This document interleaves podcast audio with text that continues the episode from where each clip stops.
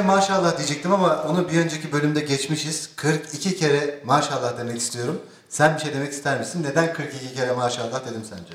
Yani zorlama da olsa e, yeni bir şeydir. Ben 41 yaşındayım. Bu 42. bölüm. 42 kere maşallah buradan geliyor galiba. 42 kere maşallah. Saçma 42. bölümün konuğu kim Emrah? Şu an yanımızda ama sessizliğini koruyor. Bu da ufak bir gizem oldu. Yaklaşık 15 saniyedir. 42. bölümün konuğu çok tatlı bir e, psikoterapist e, Tuğçe Isıyel. Ah, mersi. Burada küçük bir alkış mı koysak artık? şey tanıtırken. Ya ama iyice radyocu oluruz ama o e, zaman. konuk tanıtırken. Tuğçe Isıyan. Tatlı psikoterapist. Şak şak şak şak. Aa, merhaba hoş geldin. Hoş bulduk. Merhaba. E, Tuğçe bütün yaz neredeydin? Bütün yaz neredeydim? Çünkü biz seni yazdan bu yana diyoruz ki ne zaman geleceksin? E, gel hadi podcast kaydedelim. Sen Bozcaada'dayım. Gerçekten gelemedim. Dönünce arayacağım dedin ve aradın. Evet. Ben Emrah dönünce aramaz diye düşünüyordum. E, Yani bana da öyle geldi bir dönem. Ondan sonra e, bir şekilde konuştuk. E, ben Bozcaada'nın e, her türlü sorusunu Tuğçe'ye sorulabileceğini düşünüyorum. Bozcaada ile ilgili her soruyu. Bozcaada kaymakamı gibi bir şeysin yani. Bozcaada muhtarı, Muhtarı olduysam mı? demek. Ama Ya söz gerçek- vermiş. Bir şey yani, soracağım. Tabii ki bir şey soracağım. Peki Tabii. bu e, şeyde bu muhtarlık gerçekten hani her şeyi bilmeyle ilgili bir şey mi? Mesela Bozcaada muhtarlığı bir tane muhtarlık var bilmiyorum ama yani oradaki bütün konuya hakim midir ya? Bu muhtar nedir yani? Bizim hayatımızda nerededir? Ya ben bilmiyorum o kadar da çekici değil bence muhtar olmak. Yani her şeyi bilmek e, pek O kadar- mümkün değil ve her şeyi bilmek bence zaten olayın gizemini de bayağı e, çürüten bir şey. Bir Arzuyu da yok eden bir şey bence. İsmi de kötü zaten. Evet muhtar. Muhtar. Her şeyi bilen. Ya bu eski bir deyim galiba. Muhtar mı? Ya influencer demek daha iyi galiba şu an.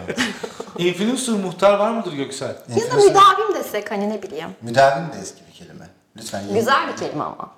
Şimdi ben bir e, bir şey ekleyebilir miyim burada? Buyurun. Ee, bizim bu 42. bölümde yeni bir setle e, mikser aldık. Ee, galiba ses kalitemiz çok daha iyi oldu. Bazı eleştiriler vardı. Artık bunlar kalmayacak diye düşünüyorum. Ben bir de bu sette Heyecanlıyız. senin yüzünü görmüyorum Emrah. Bu seni rahatlatıyor mu? yani bir, bazen korkutuyor. Şimdi ilk bir dakikaya baktım mesela korktuğum anlarda oldu. Çünkü oradan bir, bir şey konuşuyor ve yüzü yok. Sen hep şey dersin, senin suratın çok tehdit edici diye. Bu Ee, kaygı verici. kaygı verici. Kaygı verici. Tuğçe sence de öyle değil mi? Bak, Emrah'ın yüzüne bakınca bir kaygı oluşmuyor mu? Oluşmuyor. Korku? Korku Yani sizin geçmişinizi bilemeyeceğim ama benim hani iki Çok derin saatlik değil. geçmişimde e, pek Biz oluşmadı. 6 aydır tanışıyoruz. 6 aydır. Göksel çok ağır gireyim mi? Tuğçe sence bir kaygı toplumunda mı yaşıyoruz? Kaygı toplum. Yani kaygılanacak epey şey var bence. Var mı? Tabii ki. Bu Hele korona, dönemde. korona diyoruz biz ona, aile demiyoruz. Koronavirüs gerçekten bir gerçek midir? Yani bu Trump'ın dediği gibi bak öksürüyorum hiçbir şey olmuyor bana. Saçmalamayın gelin sarılalım. E, minvalinde de ele alabilir miyiz sence? Sonra da virüse zaten kapıldı kendisi. Kapıldı ama iyileştim dedi sonra kameraların karşısına geçti. Trump bir şaka mıdır? E tabii iyileşebilen bir şey bu zaten. Trump şaka mıdır e, bilmiyorum. Trump bir hastalık olsa iyileşir mi sence? Trump bir vaka olabilir tabii. Ama en azından senin bildiğin yer. Trump sana benim terapiye gelse Gelmesin. boş yer var mı dersin yok mu? yok derim yok. Önümüzdeki Çok 10 yıl dolu. dolu. Ama Önümüzdeki evet 10 yıl dolu. Sevgili Tuğçe şey olmaz mı yani Trump'ın gelmesi de böyle çok büyük bir olay olmaz mı? Bütün işte gazeteciler dünya basını senin e, terapi merkezinin önünde toplanıyor. Sen sürekli demeçler veriyorsun. Ay çok terapiyle ilgili. sıkıldım. Şu an bastı yani. Bastı mı? Böyle bir şey istemez. Göksel sen terapist olsan Trump sana gelse Ben öncelikle şunu derim Emrah, ben ruh bilimciyim. peki Yani ilk önce bunu düzeltelim derim, ben ruh bilimciyim. Ayrıca ardından şu soruyu sorarım Trump'a. Trump, efendim mutlu musun? E, mutludur ya. Ben Nasıl mutludur? Bak şimdi Tuğçe'nin bir tane tanımı var Emrah yazılarında. Diyor ki, mutlulukla ömür geçmez diyor. Daimi mutluluk diye bir şey yoktur. Mutlu olduğun anlar vardır diyor.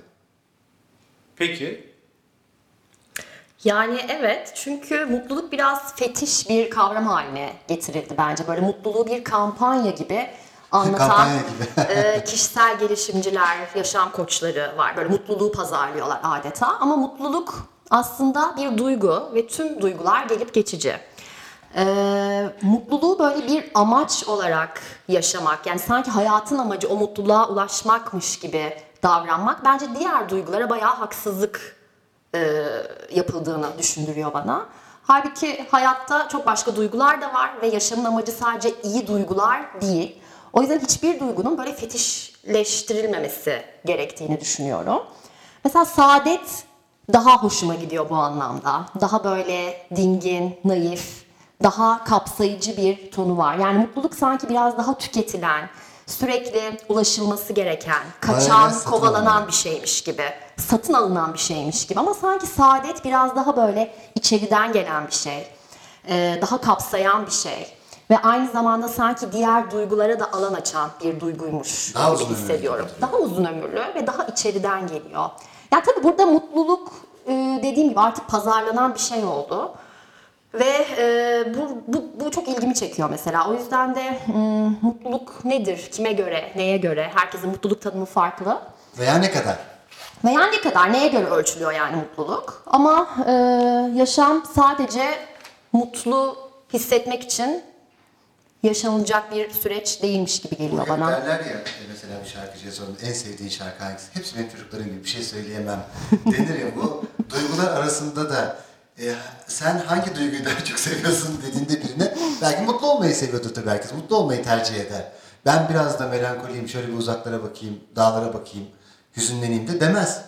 Tabii ama burada işte kutsallaştırmaya gerek var mı diye düşünüyorum. Yani çünkü her duygunun kabuğunu soyduğunuzda altından da başka bir duygu çıkıyor aslında. Yani ben biraz böyle daha bunu fetişleştirilen bir e, kavram olarak eleştiriyorum. Yani o mutluluğu kampanya gibi sunmayı eleştiriyorum aslında. Yani mutlu da olunur, acı da çekilir, öfkeli de olunur, hayal kırıklığı da yaşanır. Sonra tekrar mutlu da olunur falan filan. Yani sadece mutlu olmak için yaşamak e, bana biraz sığ bir tarafta olmak gibi geliyor. İnsanın eee, kendi kendine kaldığında bir iç sesi var ya hani ve kendi konuştuğu. Senin yazılarında eee Fikriye teyzeyle yaşadığın bir monolog var. Değil mi? Doğru söylüyorum. Evet. Bu Fikriye teyze monologlarından bir, birazını okuyacağım şimdi. Tamam. Sen de hatırlarsın çünkü biraz eski bir şey. Çok ilk yazılardan biri gerçekten. Onu bulup çıkarmana şu an bayağı şaşırdım. Şöyle bir şey yazmışsın. Bir o bedenden bir bu bedene salınıyoruz. Sevişmelerimiz sevmelerden öyle uzak ki birbirimizin içine girdiğimizi zannederken öyle uzaklara düşüyoruz ki daha iyisini bulmak, daha doğrusu onu bulmak için var gücümüzle çalışıyoruz.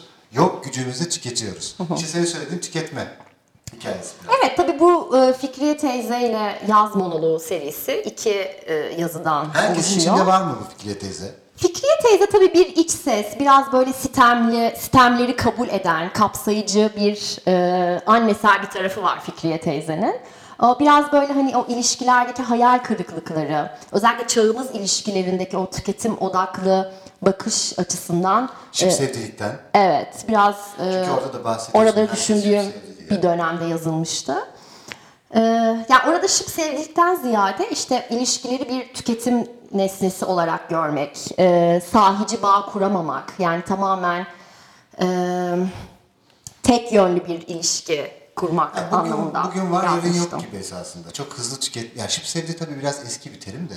Ee, bunu sevgiyi tüketme daha doğru bir şey söz galiba. Yani şıp sevdiğimizin derlerdi ya 90'larda. Evet efendim bir gün onu seviyorum, bir gün öbürünü seviyorum. Ama bu e, senin yazdığın yazıda daha iyisini bulmak, daha doğrusu onu bulmak için var gücümüzle çalışıyoruz diyorsun ya. Şimdi benim elimde çok Aşklılık diye bir kitap var. Thomas Schroeder ve Christina Wetter'in yazdığı bir kitap bu. Burada aşk için şöyle bir şey diyor. Aşk normal bir şey değil. O yüzden de açıklamaya gerek yok. Doğru. Bu kitabın çok aşklılık. Böyle bir şey deyince benim aklıma bu hani takılmak kelimesi var ya. Ne yapıyorsunuz? Takılıyoruz. Takılıyoruz ya at koymayalım. İsim vermeyelim. İsim vermeyelim. Üstüme üstüme geliyor çünkü ben bu hiç kaldıracak gibi değil. Ya yolda olmak en güzeli falan böyle jenerik cümleler var ya. Emrah sen ne düşünüyorsun? Hangi konuda? Aşk normal bir şey değil. O yüzden de açıklamaya gerek yok. Ee, yo açıklanmasını isterim. Neden?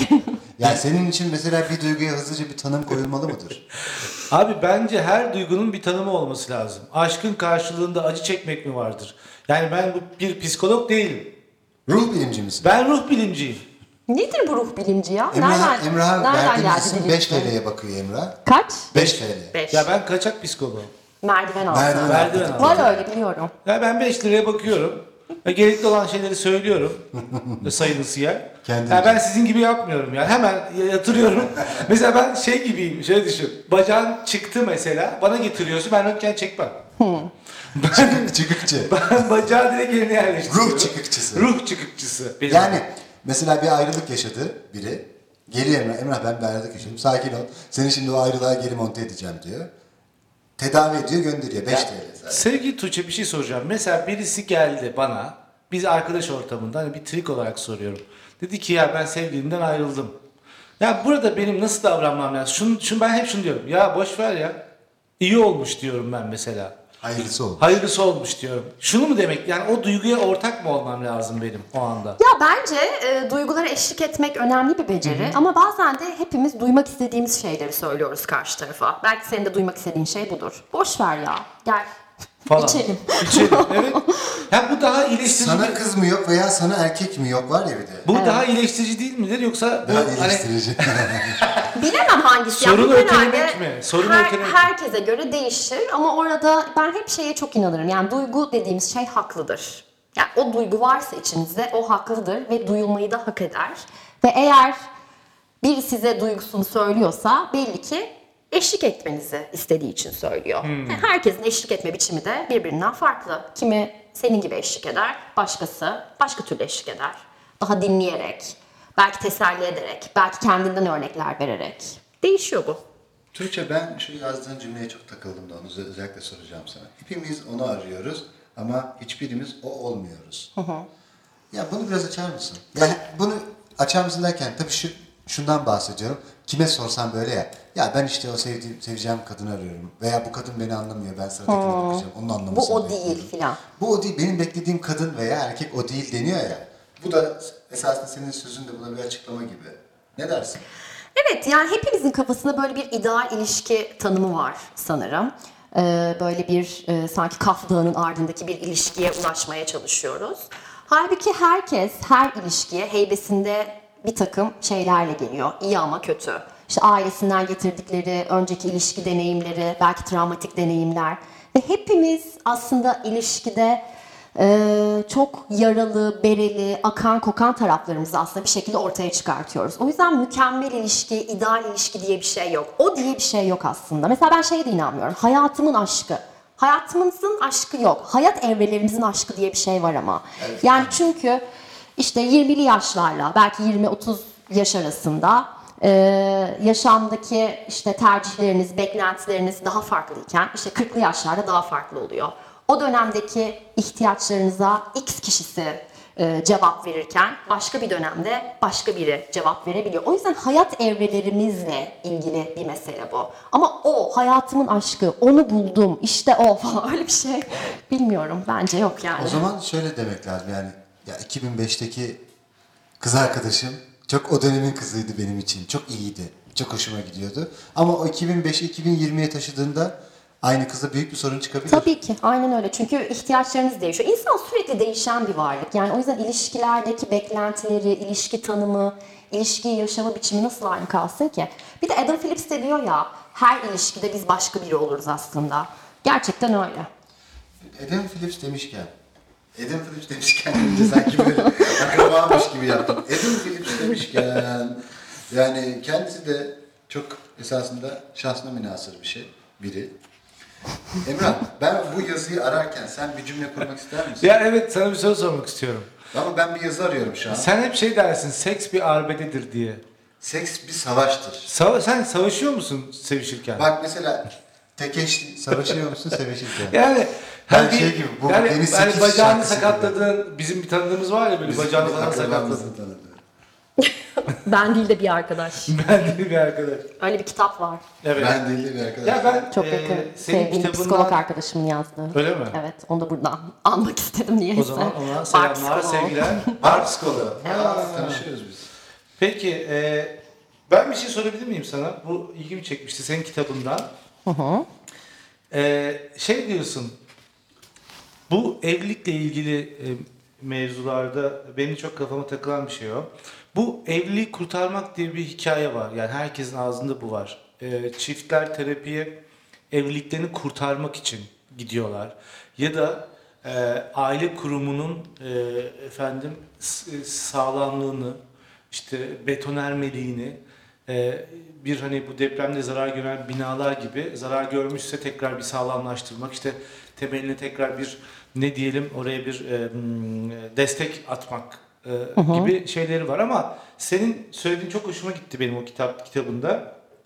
Diyorsun ki aslında kurtarılması gereken tek bir şey varsa o da ilişkidir. Ya bununla ilgili e, hakikaten ben de öyle düşünüyorum da bu peki niye bu hep evlilik kurtarılma yani niye bu evliliğe bir e, çok kutsal bir e, ne diyelim bir taş gibi bakılıyor. Neden böyle? Yani ilişki unutuluyor mu? Ya evliliğin merkezinde ne var? İlişki yok mu? Anladım. Hı hı. Ee, şöyle yani evlilik ve ım, aile kurumu diyelim. Aslında burada böyle çok toplumsal, dini e, sebepleri olabilir bunların. Bu kutsallığı atfetmekle ilgili. Ee, evet yani sanki orada içindeki tüm trajediler meşrulaştırılsın diye böyle bir kutsallık atfediliyor bu kurumlara. Ee, bence hani demin dedin ya e, konuşmanın başında işte evliliği kurtarmak için insanlar geliyor. Aslında evliliği kurtarmak için geliyorlar ama bazen de iyi ayrılabilmek için de geliyorlar. Yani evlenecek kişiyi bulmak gerçekten kolay. İyi ayrılabileceğiniz kişiyi bulun kolaysa yani. e, orada işte işler biraz gerçekten değişiyor. Yani ilişkilerin de miadı dolabilir, son kullanma tarihleri vardır, bitebilirler, başka şeylere dönüşebilirler. Ee, burada o dediğini anlıyorum. Yani o sabitlik arzusu biraz ilişkiyi hırpalayan da bir şey aslında. Ee, burada ben yani aile saadeti, evlilik saadetinden ziyade bireylerin saadetine ve ilişkiye inanıyorum aslında. Yani o ilişki zaten sağlam temelleri üzerine e, kurulduysa evlilikti, boşanmaydı bu isimlerin pek de bir önemi yok. Ee, bunlar bence ilişki biçimleri. Yani evliliği idealize etmekle evlilikten yani bir, bir bu taraf var evliliği aşırı idealize etmek bir de evlilikten aşırı korkmak. İkisinin ben aynı hatta olduğunu düşünüyorum. Yani ikisi de aynı şey aslında. Ne o kadar idealize edilecek bir şey ne de o kadar korkulacak bir şey. En fazla deneyimlenecek bir şey olabilir evlilik. Ee, o da bir ilişki durumudur ve bakılır. Yani ki, evliliği böyle kafeslenme gibi algılama eğilimimiz de çok var ya da bir peri masalının başlangıcı gibi algılama eğilimimiz de. İkisi de olmayabilir. Daha arada bir yerde de buluşabiliriz. O bir ilişki durumudur ve her şey gibi onun da bir sonu olabilir. Yani burada e, şu, şunu da merak ediyorum. E, bu hani ilişki değişen şey ilişki midir? E, ilişkinin içindeki insanlar mı? Mesela e, iyi bir ilişki tipi hiç bitmemeli midir?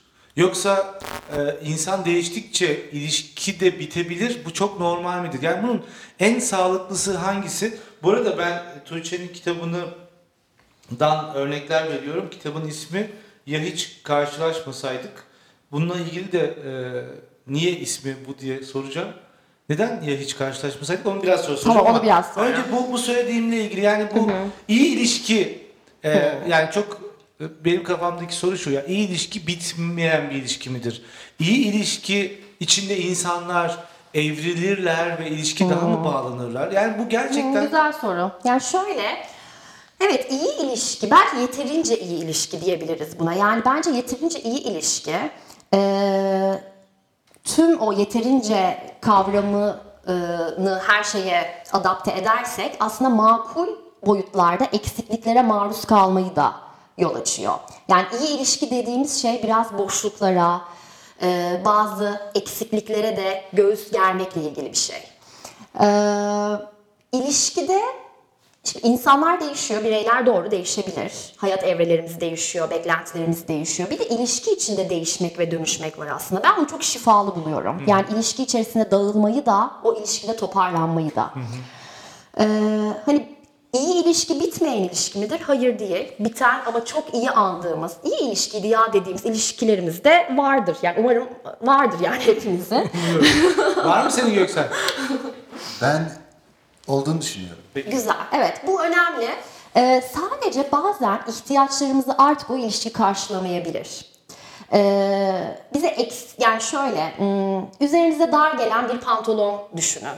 Ama o pantolon hala kaliteli bir pantolon olabilir ama artık giyemiyorsunuzdur. Ya şimdi orada ne pantolon suçu ne siz. Artık o ihtiyacı, o bedeni, bedenin ihtiyacını karşılamıyor o pantolon. İlla yırtık, dökük, işte lekeli olmasına gerek yok. Anladım. Ee, o yüzden de burada şuna bakmak lazım. Yani beklentilerimi nasıl karşılıyor? Ee, kendimi ortaya koyabiliyor muyum ben bu ilişkide? Bu ilişkiden beslenebiliyor muyum? İlişkiyi besleyebiliyor muyum? Ee, kendimi alan, özgür hissedebiliyor muyum? Burada özgürlüğü e, sadakat anlamında bir özgürlükten bahsetmiyorum. Yani hayatta özgür hissediyor muyum? Daha güçlü hissediyor muyum? E bunları karşılıyorsa o ilişki, bence iyi ilişki dediğimiz şey bu. Birlikte problem çözebiliyor muyuz? Kriz yönetebiliyor muyuz? E, birbirimizin zaaflarına, e, yumuşak karnımıza karşı ne kadar toleranslıyız? E, bunları karşılayabilen ilişkiyi ben iyi ilişki olarak nitelendiriyorum. Peki Tuğçe ben e, bu tabii sorularım artıyor böyle olunca. E, kişinin kendi kondisyonları bunları karşılayabilecek donanımda mı diye merak ediyorum. Yani birisi hani bu krizi beraber yönetmek, kendine alan açmak, açtığı alanda kendini iyi hissetmek. E, mesela yani hobileri mi var bu insanların? Hobilerimiz var mı? Bunlar tutku duyuyor muyuz? hayranlık Arzulu duyuyor muyuz? Evet, arzulu insanlar mıyız? Yani bence bir birey, yani bi- biz kendimiz, kendim için söylüyorum bunu. Ee, yalnız kaldığımda kendimle e, iyi bir şekilde buluşabiliyor muyum mesela? Hmm, çok güzel. Bunu ben bu biraz belirleyici değil mi? Yani o ilişkiyi besleyen şey benim Kesinlikle. kendimle iyi bir buluşmam değil midir? Evet mesela e, kitapta tek başına kalamak nasıl yalnızlaştırır diye bir bölüm vardı. Orada iki yarımdan bir ilişki olmaz diye bir cümle kurmuşum. İki tamdan bir ilişki olur gerçekten de. Yani biz tek başına kalabilme e, kapasitemiz var mı? Çünkü tek başına, ya kendimle iyiysem ötekiyle de iyiyim aslında. Ben kendimle sıkılıyorsam, kendime dayanamıyorsam, kendime zulmediyorsam bir ilişkideki insanı mutlu edemem. Mümkün değil. Ee, kendime ve hayata güvenmiyorsam ilişkiye güvenmem mümkün değil. Yani o mesela e, güvenli ilişki de çok önemli. Yani güven duyabilmek, karşı tarafa hayranlık duyabilmek çok önemli. Onu arzulayabilmek çok önemli. Ama bunların hepsi öncelikle kendimizle kurduğumuz ilişkinin kalitesinden de geçiyor. Yani ben e, anca kendi e, gözlüklerimden, kendi iç dünyamın gözlüklerinden bakıyorum ötekine. O gözlük camları kirliyse, kırıksa, dökükse ötekine olan görüşüm de bundan etkilenecektir aslında. Bu ötekiyle ilgili değil ama benim kendi bakışım, kendi perspektifimle ilgili bir şey. Tam burada zaten terapi mi devreye giriyor acaba? İnsanın kendiyle buluşmasını kolaylaştırmak yahut hızlandırmak anlamında söylüyorum. Ee, doğru terapi bunlardan biri olabilir ama ben böyle her şeyi e, terapiye bağlayan mutlaka herkesin terapi görmesi e, gerekir diyen bir terapist değilim belki sizi şaşırtacağım ama terapi bunlardan biri doğru ama birçok alan var sanat, seyahatler, kendimize okumak kurduğumuz okumak ilişki. bir terapi değil mi? Tabii ki her şey. Yani bu terapi derken yani insanı kendiyle buluşturan birçok şey var. Sadece terapi değil. Ama terapi de bunlardan biridir ve çok kıymetli bir yoldur. Birinin eşliğinde kendi hikayenizi yeniden yazmak, yeniden izlemek. Oradaki e, o hikayenin tekrarlarına bakmak, aksayan taraflarına bakmak çok kıymetlidir ama tek yolda değildir. Anladım. Ben e, sorularımı sordum. Biraz sonra tekrar soracağım. Göksel Balaban'a dönmek istiyorum. Kendisi Şimdi Emrah bir terapist Melek gördüğü yüzlü şey zaman, Emrah bir terapist gördüğü zaman veya psikoterapist kendi seansını ücretsize getirmeye çalışıyor. Farkındaysan. Bu kadar da Hiç söyledim. terapi yapmadım ama terapi yapmak böyle bir şey değil çünkü. Ama, ama biraz yardımcı oldun ona. Öyle mi? Biraz yardımcı oldun. O da onu aldı kullandı. Şimdi o bütün 5 liraya baktığı herkesi satacak bu cümleleri. Öyle mi? Hay Allah. Benim bir terapist Neyse Hayır, satacağı şey- bunlar olsun Hayır bari. şey diyeceğim mesela ya ben bir kitap yazdım ya hiç karşılaşmasaydık diye orada şunu söylüyorum falan diye. Ha, bir arkadaşımın kitabı var. O da destekledi bunu falan diye anlatacak artık. Üzücü. Ya bu arada kitabın o kadar tatlı ki ben öyle diyorum bu kitaba. Ee, yani çok dolu dolu bir kitap. O ayrı konu da. Niye tat bana tatlı? Tatlı derken ne ben demek onu söyleyeyim istiyorsun? sana. Evet ya. Ya benim çok ho- hoşuma gitti bir kere. Kremsi tat gibi ne demek? Hayır hayır. Gıda gibi. Nasıl bir tat aldın? Çok çok lezzetli bir tat aldım. Az pişmiş bir et gibi. Of. Tam kıvamını çok seviyorum. Tam da vejetaryen olmaya karar verdim. Ha, öyle mi? günlerde yaptığın metafora bak. Ha, pişmiş bir et mi dedin? Göksel de vejetaryen oldu ama sürekli balık yiyor. Balık yemek vejetaryenlikle ilgili mi? Göksel? Neyse bilmiyorum. Ben şu an yeniyim. yeniyim bu alanda. ben de çok yeniyim çünkü az önce girdim anlattık. Yani şundan dolayı söylüyorum yani kitapta eee, şey bu bölümler ve oradaki anlatılan şeyler o kadar steril ki Eee, belki hani birçok kitap var okunabilecek eee, psikolojik ö- özellikli kitaplar ama senin kitabında böyle ben anlıyorum bunu mesela. Yazdıklarını anlıyorum. Oradan çıkarımlar yapabiliyorum. Kendi hayatımı ilişkilendirebiliyorum. O anlamda tatlı diyorum. Yoksa eee bayağı ağır şeyler var aslında. Yani insan hayatıyla ilgili.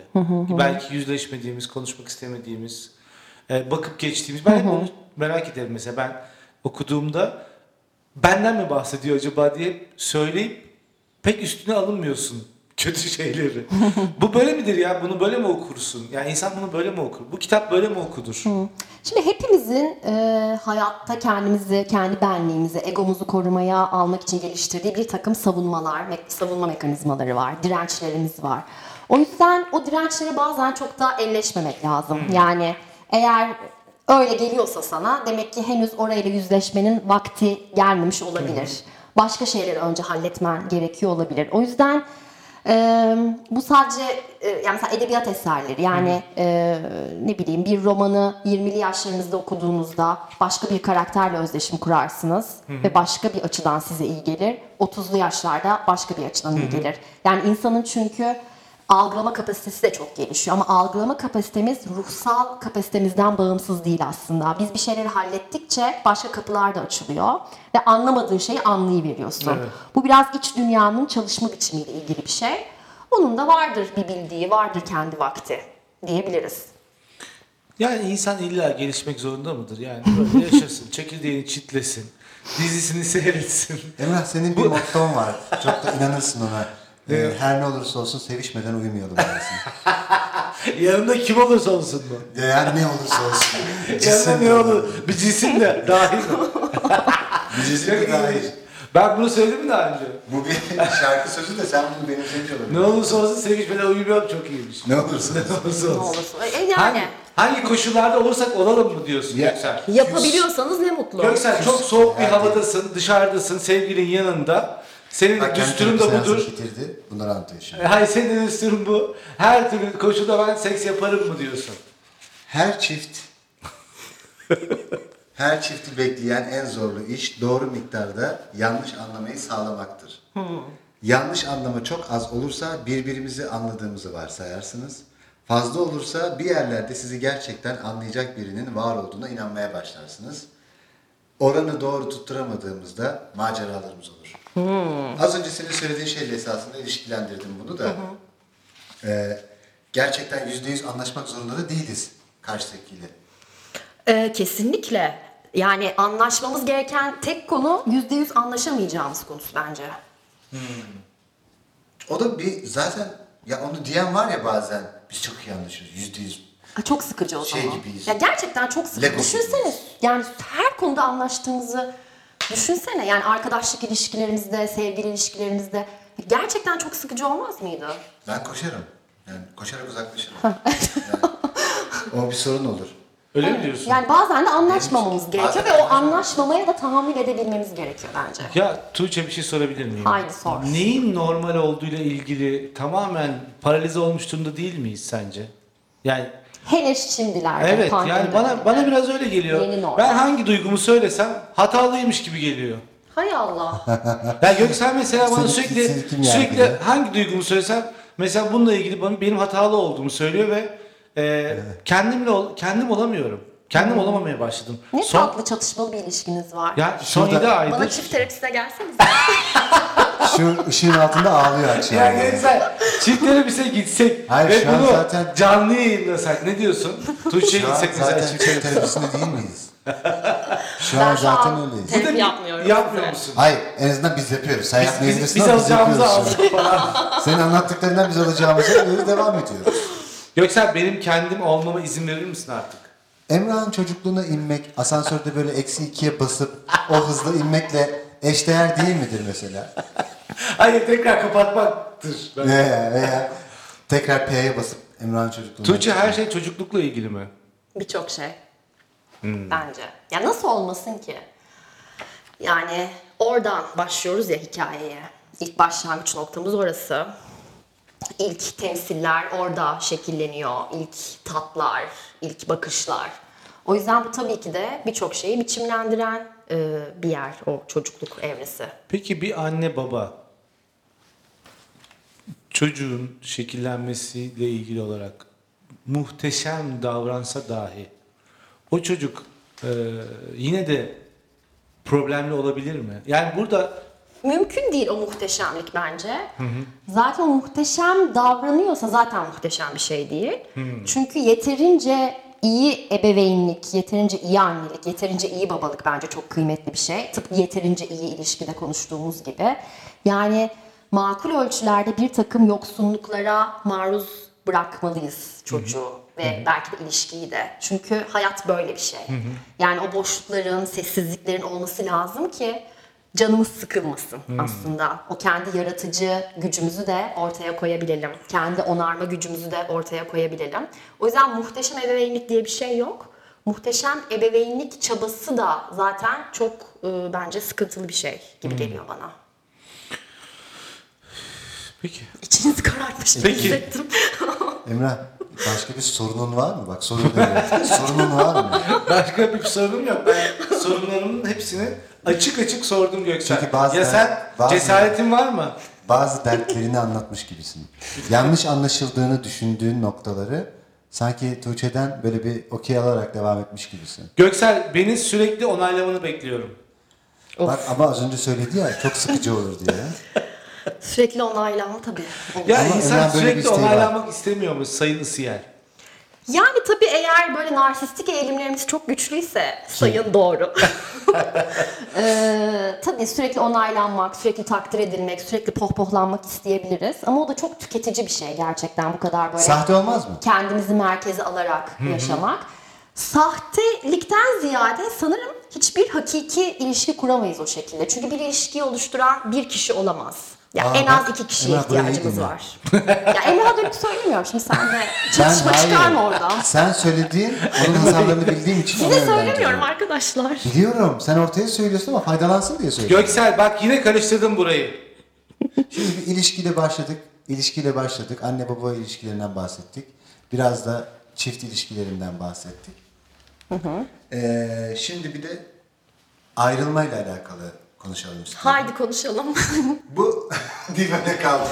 Yas ve melankoli süreci var ya. Evet. Freud'un açıklamasında sağ kalanların anılarını ve umutlarını ölen kişiden ayırması diyor. Freud sadece yas sürecini sanırım yani cenaze olarak görüyor ama bir ilişkiden çıkarken de öyledir ya. Sence insanın yaz sürecini tamamlaması e, veya Kaç ay sürer falan Kaç ay sorarmışsın. Bir kız arkadaşım var. iki ay önce ayrıldı. Konuşayım mı onunla ne falan. zaman bitecek yaz süreci? Ne zaman konuşayım onunla? E, yaz sürecini tamamlamak çok önemli değil mi? Ee, ben bunu çok önemsiyorum. Yani hem e, kişisel hayatımda çok önemsiyorum hem de e, kendi seanslarımda da çok önemsediğim bir konu. Çünkü gerçekten eğer o yaz sürecini tamamlayamadıysanız hep yeni ilişkiye, bir sonraki ilişkiye bir takım yüklerle gidiyorsunuz aslında. Ve o ilişkinin iyi olma ihtimali varsa da pek de iyi olamıyor. Çünkü siz başka bir yerde çıkan yangının alevlerini aslında öbür tarafa püskürtmüş oluyorsunuz. Öfke olabilir, acı olabilir, hayal kırıklığı olabilir, her neyse. O hikayenin bir şekilde sonlandırılması lazım. Vedalaşabilmek gerekiyor, o ilişkinin muhasebesini tutabilmek gerekiyor. Ee, ilişkide ne oldu, ne yaşandı, bunlara dair bir içgörü kazanabilmek gerekiyor ve biraz da durabilmek gerekiyor. Yani şeyi çok görüyorum böyle bir ilişkiden ayrılır ayrılmaz Hemen başka bir ilişkiye başlamak. Yani tamamen böyle çivi çiviyi söker mantığı gibi bir şey bu sanırım. Halbuki çivi çiviyi sökmez. Yani e, işleri daha da feci bir hale getiriyor. Yani unutmak için belki o duyguyla karşılaşmamak adına. Bu duygu aşk olabilir, özlem olabilir, öfke olabilir fark etmez. Hemen başka bir ilişkiyle o duyguyu kapatmaya çalışıyoruz. Halbuki kapatmıyoruz. Yani o duyguyu biraz daha e, köpürtmüş oluyoruz diğer ilişkide. Ve diğer ilişkinin e, hakikatine de pek varamıyoruz. E, çünkü başka bir meseleyi orada faturalandırıyoruz aslında. Bu böyle çok hani haksızca da geliyor bana. E, o yüzden de yaz önemli, durabilmek önemli, es verebilmek önemli. İyi bir yaz süreci nasıl olur? Bu bilmiyorum yani bilmiyorum derken şöyle herkese göre değişir elbette. Yani bir şeyin bir tek nedeni yok psikolojide, ilişkilerde. Herkes kendi meşrebince yaşar bunu da. Ama bildiğim şey şu ki biraz o depresif pozisyona girebilmek, belki o muhasebeyi yapabilmek, e, vedalaşabilmek, olan bitene temas edebilmek duygusal anlamda.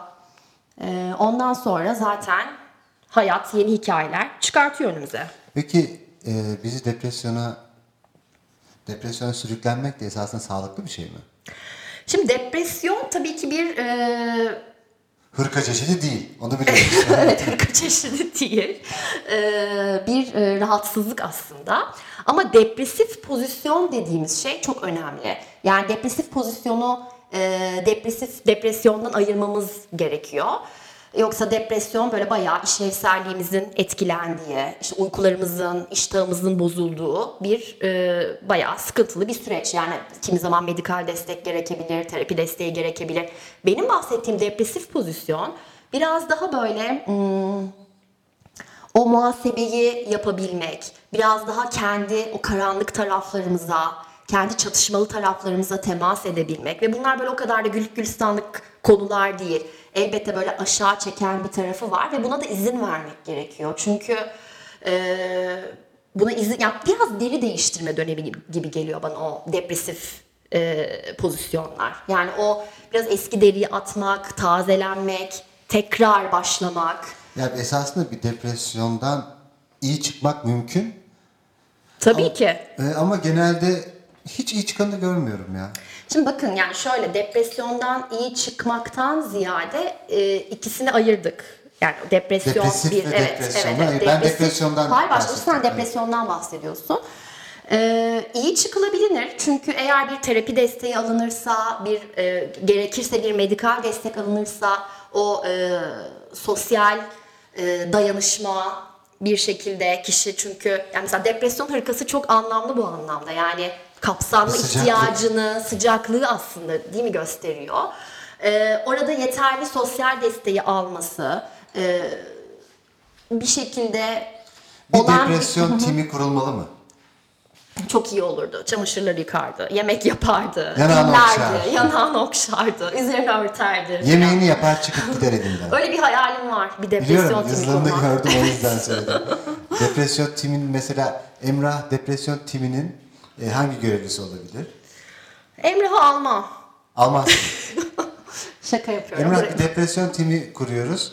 Depresyonda olan vatandaşlarımızı ziyaret edip onları yanaklarını okşamak, üstüne hırka giydirmek, gerekirse lavaboya götürmek. Emrah daha çok depresyona sokabilir. O yüzden riskli bir Emrah personel. şöyle yapar muhtemelen. Sen ne yapıyorsun bu koltukta? Şimdi Kalk kalk kalk oradan. Ne zamandır bu koltuktasın sen? ya İki ay mı? sürekli mesela Tuğçe şey gidiyor. Ya sizin bu eleman var Emrah. Ya bu bizi yani çok bozuyor kardeşim falan diye. Yani böyle şey şikayet alır. Beni kovar kesin. ya Göksel çoğu zaman bana göre paranoyak bir adam. Sence Bana dinle bak. bu adam çok paranoyak. Ha, Bak yine kendi sorunlarını anlatıyor. Tuğçe. Gerçekten bedava oluyor her şey. hizmet Senin de ya hiç karşılaşmasaydık kitabında paranoya mı sezgi mi diye bir bölüm var. Evet. Sana göre bu arkadaşımızın paranoyak mı, sezgisel bir e, varlık mı, bir güzellik, bir şirinlik mi olduğunu Nasıl anladın? tartabilir miyiz? Yani onu sen tartacaksın. Peki bir şey soracağım. Sezgilerimize güvenmeli miyiz sence? Kesinlikle. Ama tabii sezgileri de tabii yani o sezgiyi nasıl konumlandırdığınız, onun ım, çer çöpten ne kadar arınıp arınmadığı da önemli. Yani şunu söylemek istiyorum. O yüzden o yazıyı yazdım. Yani paranoya mı sezgi mi? Eğer kendimizle temasımız güçlüyse ve ilişkiyle de temasımız güçlüyse o ilişkiden hiçbir şey kaçmıyor aslında. Seziyoruz biz olan biteni. Ee, yani çok aslında böyle metafizik bir şeyden bahsetmiyorum. Tamamen gözlem odaklı, duygu odaklı bir şeyden bahsediyorum. Eğer kendimizle ve ötekiyle teması yitirmezsek sezgiler gayet aktif oluyor. Erkeklerin sezgileri çok kuvvetli değil bence. Ya kadınlar daha sezgisel. Yani e, bununla ilgili bir Sezgisel. araştırma okumadım. Sezgin. Sen. Ee, böyle araştırmalar var mı bilmiyorum. ben araştırıyorum. Öyle mi? Geçerli midir bilmem. Beş insana sor. Yani hani hakemli dergide yayınlanmıyor. Beş insana sor. Emrah bak sen şöyle duyguya kapıldın mı? İki, iki. İki. O da dün az İki önce. pizza. Bir buçuk saat önce. Emrah sen şöyle bir şey hissettin mi mesela? Evet. Oturup bekliyorsun sadece. Hı. Bekleyecek bir şey kalmayınca dek bekliyorsun. Godoy'u bekler gibi mi? Belki de. Hayır. Ben bekleme çeker giderim. Ben öyle bir kadınım. Emrah'ın depresyon süresi 90 saniye. ben hiçbir şey beklemem. Mesela biz az Kusura önce bak. konuşurken depresyona girmiş olabilir. Anında, anında da çıkar. Depresyon öyle bir şey değil ama. Çünkü yok Emrah, Emrah için öyle Yani bir şey. Bizim bu hani ikinci e, psikoterapist konuğumuz. Yani psikolojiyle ilgili hiçbir şey bilmiyoruz ya. Bu nedir ya? E, Sence enteresan mı? Depresyon depresyon diyorsun. Tabii yani ikidir e, psikoterapist konuk ağırlamak evet size dair bize bir takım şeyler söylüyor Ama olabilir de buraya vatandaşın girmeyelim derdine yani. derman oluyoruz diye düşünüyorum. Bilmiyorum. Ama biz e, gelen talepler sonucu da sizlere ulaşıyoruz. Nasıl biter? ya birkaç bu sorular bizim sorularımız değil ki Öyle vatandaşların soruları. Peki. Vatandaş. Peki. Değil mi? Evet. Emrah cinsellik sadece bir anda girdim ya. En sevdiğimiz konu var. Evet fark Ama ettim. şöyle ki ama Emrah'ın mottosunu az önce söylemiştim. ne, ne, ne olursa olsun sevişmeden uyumayın. neyle olursa olsun. Ne olursa olsun. Emrah sana şöyle bir soru sorsam ne yanıt verirsin? Söyle bakalım. Cinsellik sadece cinsel organlarla sınırlı değildir. E, değildir tabii. Ne? bu, bu Ya bir bakışmak, Bu bir bir bakış, mı? ya bir, bir, bir açıklamadır. bakışmak da cinsellik içermez mi? Tutkulu bir bakış. Mesela Emrah'ın en yapmaması gereken terapi şekli herhalde cinsel terapi şekli. Nasıl yani? Yani cinsel problemleri olan kişilerin Ben- sana kes- kesinlikle seninle konuşmaması Öyle lazım. abi cinsel terapi uygulamalı mı? Uygulamalı değil, sözlü. Sözlü terapi olur mu ya? Yani Nasıl yani? cinsellik nasıl? Nasıl sözlü? Şimdi birçok sorun var ya, insanların cinsel hayatlarında Evet. sorunlar var ya, o sorunları halletmek için de yine terapiye başvuruyorlar. Hmm. E burada Siz cinsel terapi yapıyor musunuz? Ee, benim uzmanlık alanım cinsel terapi değil Cinsel. Ee, ama çift terapisi e, olduğum için e, bir şekilde cinselliğe de elbette e, ister istemez değiniliyor. Ama cinsel terapi ayrı bir uzmanlık alanı. Yani onun gerçekten bir takım teknikleri var, ödevleri var. Ee, ben onları yapmıyorum. Ama cinsellik tabii seanslarda çok konuştuğumuz, çok alan tanıdığımız e, bir alan. Çünkü ilişkilerin önemli bir e, ne diyelim yakıtı, önemli bir güç kaynağı. Ee, cinsel terapi yani evet fizyolojik sebeplerden kaynaklı bir takım cinsel problemler yaşıyor yaşayabilir insanlar ya da duygusal sebeplerden kaynaklı bir takım cinsel problemler yaşayabilir. Ben biraz daha o duygusal kaynaklı taraflarla ilgileniyorum. Ee, zaten ilişki dinamiğine baktığımızda cinsellik onun bir parçası ve illaki cinsellik de iyi veya işte kötü giden bir ilişkiden mutlaka etkileniyor. O yüzden bizim de ana konularımızdan biri. Peki cinsellik ülkemizde tam anlaşıldığını düşünüyor musunuz cinselliğin? yasaklı bir kelime gibi. Göksel'in ağzına yakışmıyor mesela. Hiç cinsel diyemedim. yokmuş gibi geliyor bana. Bak söylüyorum cinsellik. Çok kötü oluyor. Dublaj gibi oluyor sende. Cinsellik. Yani evet tabu olarak hala e, düşünülüyor bir takım e, kişiler tarafından. E, ne yazık ki. Çok böyle doğal bir, yani ilişkilerin doğal bir parçası olarak ele alınabilmekte hala güçlük çeken e, kişiler var ne Ben yazık bir şey ki. söylemek istemiyorum. Söyle. Bana mı söyleyeceksin? Söyle Çok komik şey geldi aklıma. Ama biraz güleyim sensiz gül devam et lütfen. Beni bile ben çok merak ettim. Şimdiki Emrah tokalaşmaz bile. O kadar hissetmez. Kimseyi karşısında istemez yani. Sence cinsel terapiye gitmeli midir? ne demek o be? Hiçbir şey anlamadım. Ben de. Ben şöyle diyeyim. Karşıdaki, karşısındaki insana dokunmak istemiyor bile demek istiyorum. Ben mi? Evet tokalaşmak bile Emrah'a fazla geliyor. Dokunma korkum mu var? Dokunma korkum var. Evet onunla bir cinsel terapistle konuşsan iyi olabilir. O ben değilim ama. Bu sorunu, Çağırmamız gerekecek buraya. bu sorunu burada halledemeyeceğiz. Bu sorunu burada halledemiyoruz evet. Peki ben e, biraz psikolojinin dışına çıkmak istiyorum falan. Peki. Ya bu e, sence biz e, şimdi bu mekanla ilgili yani yaşadığımız yerle ilgili e, sen bir karar aldın. Bozcaada'ya yerleş, yerleşeceksin değil mi? Ee, kışı orada geçirme Kış kararı orada aldım geç- evet. geçirme kararı aldın. E, yazın da oradaydın zaten. Evet. Şimdi e, bizim evle olan ilişkimiz veya mekanla olan ilişkimiz bizi tanımlar mı? Yani bizim kim olduğumuzu gösteren bir şey mi? E, ve e, bu bu kadar önemli midir? Yani hani bir bir e, küçük bir e, barakada yaşasaydık ve hiçbir şeyimiz olmasaydı e, peşmürde bir halde sakalımız her tarafımız böyle bir fena bir haldeyiz. Yani insan e, mekanla olan ilişkisini geliştirmeli midir ya da bu gerçekten yani bizim için önemli bir şey mi bu? Veya bakan için önemli mi? Üçüncü kişinin için önemli bir şey Ben mi? çok önemsiyorum evle kurulan ilişkiyi. Kendim de böyle çok e, biraz kedi mizaçlı bir insan olduğum için yani bence çok önemli. Ev böyle biraz benlik gibi aslında yani derimiz gibi. Ee, işte bizi toplayan, tutan, koruyan bir yer ev.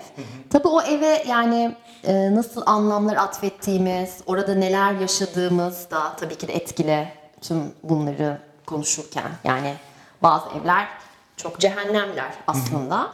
Ee, bazısı hiç öyle değil. Bu gene sanıyorum bizim kendimizle kurduğumuz ilişkinin bir yansıması. Yani e, ne bileyim işte keyfimiz belki yerinde değilken işte o evin dağınık oluşu, bazen evin toplu oluşu, bazen evde duramama halimiz, bazen evden hiç çıkmak istememe halimiz. Ee, bunlar hep kendimizle olan ilişkiye dair ipuçları veriyor ve evde bundan nasibini alıyor tabii ki. Yani Ve aynı zamanda büyük bir bellek ev mesela. Yani mekanlar daha doğrusu evden mi? ziyade. E, tabii yani birçok yaşantıyı, duyguyu, anıyı bayağı sabitliyorlar. Yani şimdi seni işte çocukluğunun geçtiği bir eve götürsek veya işte ne bileyim ilk aşkınızla e, buluştuğunuz bir mekana götürsek belki hala böyle orada zaman mefhumundan uzak e, çok böyle ciddi işte hatırlamalar, karşılaşmalar yaşanabilir. ya, e, çok zor bir konu bence. Yani bazen çocukluğunun geçtiği eve gitmek iyi hissettirmiyor Tabii tabii iyi hissettirsin diye söylemedim ama bir duygu hissettirebilir yani. Öfkelenebilirsin, travmatize olabilirsin, özlem duyabilirsin. Sadece iyi duygudan bahsetmiyorum. Göksel ne elbette. zaman annesinin evine gitse mesela hep ağlayarak döner. İki günde toparlanamıyorum. Öyle mi? Evet. Yani o yüzden mekanlarla kurduğumuz ilişki e, bence çok önemli ve çok bizi yansıtan şeyler. Bazı evlere gidiyorsunuz. Hiç o kişiye dair hiçbir ize rastlamıyorsunuz mesela. İşte bembeyaz veya neyse simsiyah işte neyse yani hani. Tabii bu da ona dair bir şey söylüyor ama hiç kişiselleştirilmemiş. Ee, bu mesela çok ilginç geliyor bana. Yani o insana dair bir şey bulamıyorsunuz o evde. Bomboş bir ev. Bu epey anlamlı bence. Bence de. Bence de. Yani biraz ken- kendini katmakla ilgili bir şey olması lazım. Kendi parçalarını da koyman gerekiyor. Biraz hayata bakışını, kendine bakışını, e, isteklerin, tutkunu da yansıtan bir şey çünkü. Bir obje bile e, seni anlatıyor çünkü. Onu nasıl Kesinlikle koyduğun, öyle, e, kesinlikle. seni anlatıyor. Oradaki ilişkiyi kuvvetlendiriyor. Ben de çok önemsiyorum. Açıkçası Evet, onun için evet. sana sormak ihtiyacı duydum. Hı, Mesela bu ofis bayağı sizi yansıtan bir ofis.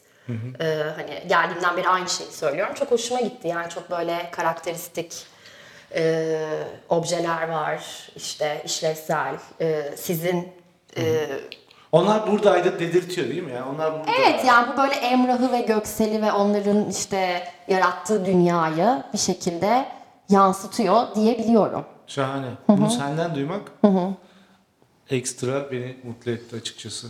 Göksel söylese mesela bana bir anlam ifade etmez.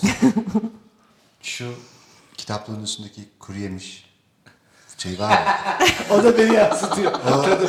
Lüks koruyormuş ama lüks. Lüks kuru yemiş oldu. Masadaki Emrah. Eminem bak beni yansıtıyor. O o lüks kuru yemiş Emrah. Kesinlikle Gerçekten. öyle ama. Kesinlikle öyle. Emrah, Yansıtır tabii ki. e, son bir söylemek istediğim bir şey var mı? Çünkü Var, ben. Tuğçe'yi çok merak ediyorum. Bu arada Tuğçe'yi e, çok seven var. Onu anladım. E, ben e, bir story koyduk buraya güzel. konuşsun diye. Sana hayran olan insanlar var. Ben şey merak ediyorum. E, yazılarını beğeniyorum ben de. E, Teşekkür ederim, Gerçekten çok sağ ol. beğeniyorum. Ne okuyorsun son zamanlarda veya ne seyrediyorsun ya da ne iyi geliyor son zamanlarda? Ne, ne yapmak iyi geliyor sana? Durmak. Durmak. Tavana Durmak iyi bir şey. Ee, yani şu aralar e, böyle bir e, telaş içerisindeyim işte e, adaya geçmek, kış Aha. orada geçirmekle ilgili. O yüzden böyle bir hazırlık içerisindeyim. E, bu hazırlık bir takım kitapları da içeriyor. Biraz böyle ekolojiyle ilgili okumalar yapıyorum bu ara. E, Eko, Eko Eleştiri diye bir kitap var elimde bu aralar. E, biraz böyle ekoloji ve psikoloji bağlantısı kurmaya çalışıyorum. İzlemek istediğim bazı belgeseller, filmler var. Ee, böyle onlara işte umarım zaman ayıracağım. E, bu e, sürdürülebilirlikle ilgili de bu işte ekosistemimiz, işte dünyayı harap ediyoruz. Bununla ilgili e, bazı çalışmalar yapılıyor. Bazı çalışmalar bize o kadar uzak geliyor ki sanki hiç hayatlarımızda yokmuş gibi hissediyoruz. Bununla ilgili mesela insanların duyarlı olmasını beklemek gerekir mi gerçekten? Ben biraz e, vatandaşa çok yüklenildiğini düşünüyorum bu e, ekoloji e, problemleri, dünyanın problemleriyle ilgili olarak. Bu biraz sence de politik kararlarla, siyasi kararlarla toparlanması gereken bir konu değil mi? Yani vatandaş bununla ilgili tabii ki e, biraz duyarlı olabilir ama yani bütün yük de onun omuzunda değil diye düşünüyorum. Bilmiyorum. Ha, psikolojik ki. olarak da bu bir bana ekstra büyük gibi geliyor. Ya bunun tabii siyasal, e, tarihsel, e, politik birçok sebebi olabilir ama bireysel olarak da bence e, dikkat edilmesi gereken şeyler var. Çok hunharca, daha doğrusu çok insan merkezli bir bakış açımız var. Yani gerçekten bütün dünya etrafımızda dönüyor zannediyoruz. Yani bitkileri, hayvanları, gezegeni tamamen böyle kendimize hizmet aracı olarak görüyoruz. Çünkü çok insan merkezli bir bakış bu. Biraz kendimizi o merkezden alırsak, bakışımızı biraz daha doğa merkezli bir yere evriltebilirsek eğer, e, ben bunun kendi hayrımıza da çok e, olacağına inanıyorum. E, bir yanıyla da hani biraz şöyle düşünüyorum. Yani insan aslında doğanın bir parçası. Ve o kadar doğadan kopuk yaşıyoruz ki o kendi doğamızdan da kopuk olmaya neden oluyor bu aslında. Yani biraz daha doğaya döndüğünüzde e, bir ağaçla, bir çiçekle, gökyüzüyle bağ kurduğunuzda burada romantik bir şeyden bahsetmiyorum. Doğa hiç romantik bir yer değil çünkü. Doğa çok aynı zamanda vahşi, acımasız tarafları da olan, e, zaman zaman tembelleştiren de bir yer aynı zamanda. Yani çok işte hayatın ve insanın kendisi gibi. Ee, biz biraz daha oraya dönük, orada olan biteni, doğanın evrelerini biraz daha e, ayık bir kafayla izlediğimizde bu bence biraz bizim de kendi döngülerimize, kendi doğamıza duyarlı olmamızı sağlayacak. Ve bu sayede de dünya daha yaşanılabilen bir yer haline gelir diye düşünüyorum. Umut ediyorum. Ne diyorsun Göksel? E, umut etmek insanın hep aklında olan bir şey değil mi? Umutsuz yaşanır mı? Umutsuz yaşanmaz. Ee, yaşan yaş- yaşanamaz değil mi yani ben hani Çok zor olur tabii. herhalde değil Çok mi? zor. Evet, kesinlikle. ben e, bir zannediyorum sonuna doğru yaklaşıyoruz. Sonuna geldik, Ben, ben, ben şunu söylemek istiyorum. Ben çok keyif aldığım için bu kitabı e, tekrar tekrar söylemek istiyorum. Doğan kitaptan değil mi? Yanlış söylemiyorum. Ya hiç karşılaşmasaydık Tuğçe İsiyel'in 3. baskısı var elimde. E, 33. baskısı da olur inşallah diyorum. Çok tatlı, çok doyurucu. benim benim tabirimle çok tatlı ve çok doyurucu bir kitap. Göksel. Teşekkür ederim Emrah. Rica ederim. Benim e, Ben teşekkür ederim böyle bir güncel- kitap yazdığın için. Çok naziksin. Söyleyecek bir Çok şey yok. naziksin. Öyle bir şey Çok söyledik ki zarifsin ve çok incesin. Gerçekten çok incesin bu arada. üstüne çıkamayacağım. Öyle bir şey yapıyor söyledik musun ki. ya? Bir beslenme pratiğin var mı? Bir beslenme pratiğim yok ama e, beslenmeme pratiğim Öyle var. mi? Fransız kadınları sadece sigara ve şarap içiyorlarmış. yok ben şaka kilo yaptım. için. Ee, şaka yaptım. Yani hani fiziksel bir takım işte yoga yapıyorum mesela. İşte e, bisiklet sürmeyi çok seviyorum. Ama böyle özel olarak e, düzenli kullandığım bir diyet. Biz de yapmıyoruz. yok. Mesela biz kilo alıyoruz Göksel senle. Ya ben almıyorum Emre. ben sabit kilodayım. Aa, nasıl olsa podcast diyorsun. Kimse Tabii beni kimse görmüyor. görmüyor beni. Ben sabit kilodayım. Ben de bisiklete bindiğim için içim rahat. Ya Aa, ne lütfen güzel. bırak. Bisiklete binenler çoğalsın umarım Kesinlikle. ki. Evet. Umarım. Ve bisiklet yolları da çoğalsın. Ben Bunu bisikletler çok, çok- pahalı ya. Vatandaş da 3000 lira bisiklet alamaz. Bilmiyorum. Kusura bakmayın. Herkes zengin Yo. değil Göksel. 500 Bu liraya da lafım var. sana. 500 liraya da var. Yok gayet uygun bisikletler de var. Var var. Ben 3 tekerlekli Emrah gidiyorum. spor düşmanı galiba ondan böyle konuşuyor. Aa, niye ben ip atlıyorum? Beton üzerinde atlıyor. Beton. Nerede atlayacağım? Ama yakında, Her yer beton oldu Göksel. Gerçekten öyle. yakında dizi kalmayacak da betonun üstünde atlaya atlaya. Emrah kapatıyoruz. Neden ya? Çok zevkli ve çok keyifli gidiyor. Şimdi Çok keyif aldım ben de tadın- gerçekten. Tadında bırakacağız ki ikincisi istekleri çoğalsın. Ya bu tadında hiç ben bilemedim neresi. Tat, işte burası tam söylüyorum. Tam burası. Şu an tam kapattım. Tuğçe çikolata sever misin? Severim. Var mı? Gerçekten mi? evet. var var. Yani Göksel Gö- Göksel'in olduğu yer çikolata olmaması imkanı yok. Evet, Gerçekten M&M'den M&M beni zaten. anlatıyor. Evet. O Fındık zengin fıstık kuru da enişte onu onu anlatıyor. anlatıyor. Göksel, dünyada bütün çikolata, şeker vesaire her şey bitse sadece çoko krem miydi? Çokopella mıydı senin sevdiğin? Neydi o? E, Nutella o. Nutella değil be. Eti puf. Gofret var ya Ha, gofret. Ülker çikolatalı Eti puf. gofret. Ülker çikolatalı gofret. Mesela iki tane koskoca adamın dolabında eti puf var. Ne diyorsun buna? Harikasınız bence. Bu eti pufu kim yiyor? yani yüzyıllardır görmemiştim eti pufu. İki tane böyle- Gerçekten beni çocukluğuma böyle götürdü. Belli bir yaşa zaman- Bak gördün mü? Eksi ikiye basar gibi indik çocukluğuna. Aynen. Göksel senin Uzanayım çocukluğun ben. var ya ben bağırırım. Eksi ikide bağırırım. Beni kurtarın derim. Buranın apartman görevlisi ararım hemen. Ama Allah bizi senin çocukluğundan korusun. Oraya indiğimizde çok yalnız, ıssız ve kahverengi bir yer görüyoruz. Neden ben Ankara'da... Hangi e, çocuk kahverengi değildir ki? Değil mi? Emrah'ın çocuk, mesela. onun bir kahverengi anısı vardı ondan. Kahverengi. E, evet hani şey alçılı. Ben şey şey pek bir şey soracağım kapatmadan. Tabii ki. Tuğçe. Böyle diyor. Benim çok güzel çocukluğum geçti diyen yalan söylüyor mudur? Yani söylemiyordur ama Eksik bilmem anlatıyor. böyle çok güzel bir şey var mı gerçekten? Böyle mükemmel bir şey var mı? Asla öyle. Bilmiyorum. Ya çok güzel bir Ben şey nedir bilmiyorum. mesela? Çok iyi bir tat dondurma mıdır, baklava mıdır? Veya seks midir Emrah? Ne demek yani? Abi seks her zaman iyi değildir yani. Bazen arbededir, bazen bacağın çıkar. Bunu tanıdığımız arkadaşlarımız var. Biz bir kızım tanıdığımız arkadaş. Bacağını kaybeden- Bacağı mı çıkıyor? seks? Bacağı, Bileği bacağını çıkmış. kaybediyordu neredeyse Bileği seks çıkmış. yaparken. İlginç. Biz ona arbet ediyoruz. yani hani sen nereye geçersin, ben öyle mi yapsam, sana ne diyeyim ben, yani ne diye hitap etmemi istersin, siz mi Allah diyeyim? derken balkondan düşmüş. Ya bu seksle ilgili e, bizim toplumsal tabularımız var. Onu Göksel çözecek. Onunla ilgili bir kampanya başlattı. Göksel'i bütün Bizim Türkiye'ye çok dinlenen bir se- seansımız var diyecektim. Bölümümüz var. Seksolojik Seksoloji, yaklaşımlar diye. Orada bana Emrah dilediği her şeyi soruyor. Ben de dilediğim gibi yanıtlıyorum.